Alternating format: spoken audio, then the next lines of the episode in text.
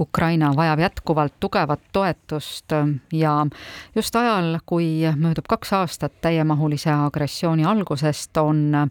erinevate riikide parlamentide väliskomisjonide esimehed ja liikmed sõitnud Ukrainasse. Eesti Riigikogu väliskomisjoni esimees Marko Mihkelson on meil telefonil, tervist! jaa, tere päevast! Ma saan aru, et ähm, neid, kes on äh, nüüd tulnud Ukrainasse kokku, on päris palju, päris mitmekümnest riigist. jah, äh, see delegatsioon, kuhu ka mina kuulun, esindab äh, kahtekümmend kahte riiki, peamiselt siis Euroopa riigid, alates Hispaaniast Eestini ja, ja samas ka on meil hea kolleeg Kanada parlamendi väliskomisjoni esimees delegatsioonis ja tõesti nii täna kui homme need põhipäevad meil siin Äh, siis Kiievis on, on äh, ennekõike väljendamas tugevat toetust ja solidaarsust Ukrainale, et äh, sellel küllaltki kriitilisel hetkel, et me kõik teame, et need uudised, mis tulevad rindelt, ei ole kuigi positiivsed, me teame, et uudised, mis tulevad ennekõike Ameerika Ühendriikidest abi andmise seisukohast ja, ja sellest, et kui palju abi antakse ja milline see valmisolek on, ei ole ka kõige, kõige paremad ja samas, samas me teame, et tegelikult nagu me just kuulsime siin äh, hetk tagasi, kui me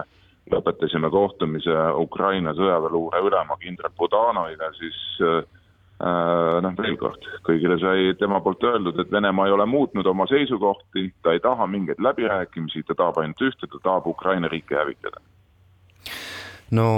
nagu me teame, siis äh, Avdivka on läinud, äh, milline see usk äh, neil on, on nad endiselt veel veendunud, et et nad suudavad selle lähiajal ikkagi võita või vähemasti mingisuguse edu saavutada? usk on kõrge, usk on suur ja, ja tugev, sellepärast et neil ei ole ju lihtsalt teist valikut, nad teavad, mida tähendab äh, okupatsiooni alla sattumine, nad tähenda-, teavad, et seda, see tähendab äh, surma, vägivalda, äh, kõike sellega seonduvat. ja, ja seetõttu see hoiab seda meelt muidugi kõrgel, aga, aga loomulikult äh, eriti need lahingud, mis siin Avdijivkal olid viimastel nädalatel eriti ja, ja ka mujal, noh, Venemaa on aktiivne praegu neljal suunal, Kupjansk, Lõman, Avdijivka ja Alt-Orihiv ehk lõunasuunal ehk siis äh, loomulikult probleem on äh, ikkagi laskemoona nappusega ja ka relvastuse nappusega, mida on läänest äh, viimasel ajal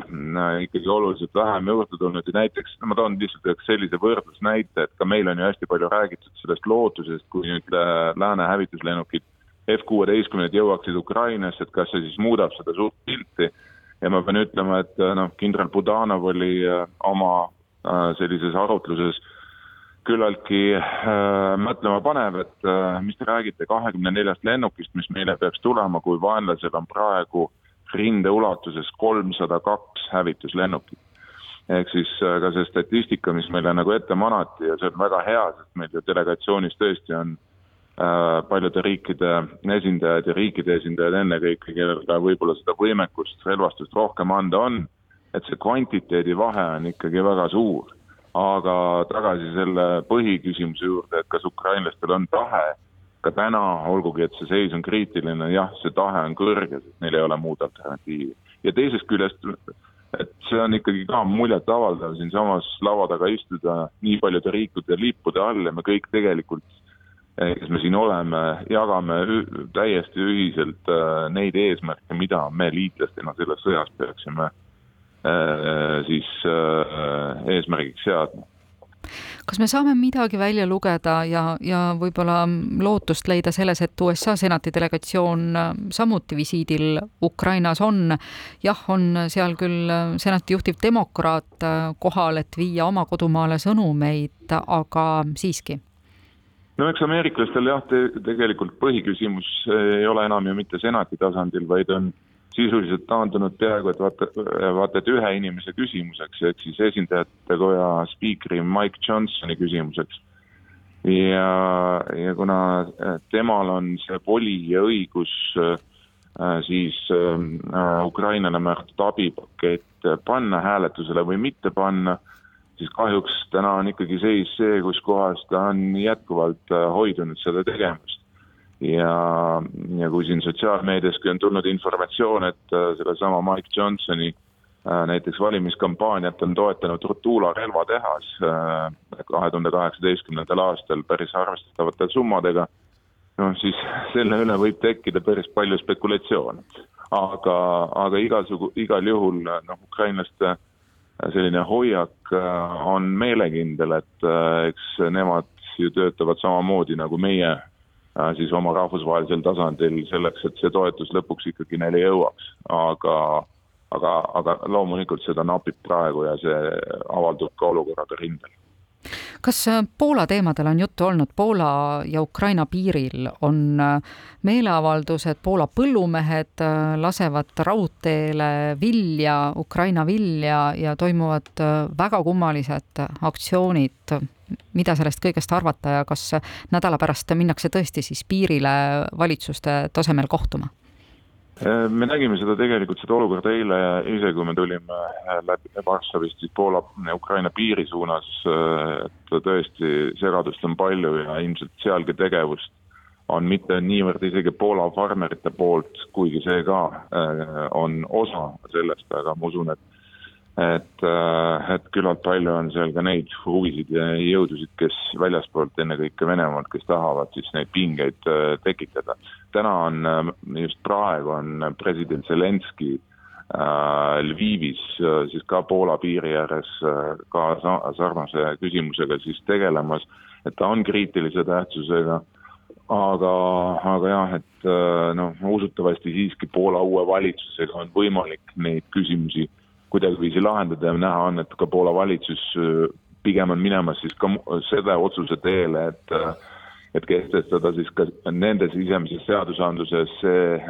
klausel, et nad saaksid kasutada siis õiguskaitseorganite tegevust olukorra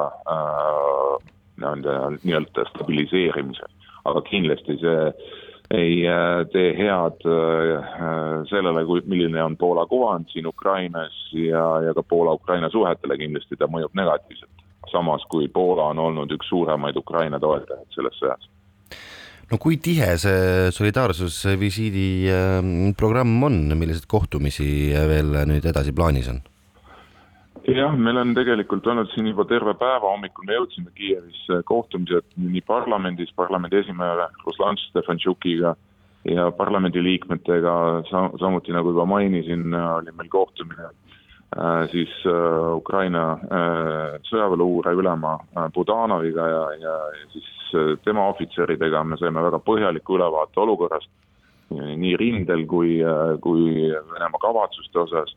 ja, ja praegu just hetkel on lõppenud kohtumine ka Ukraina kaitseministeeriumis. Äh, edasi veel on kohtumised täna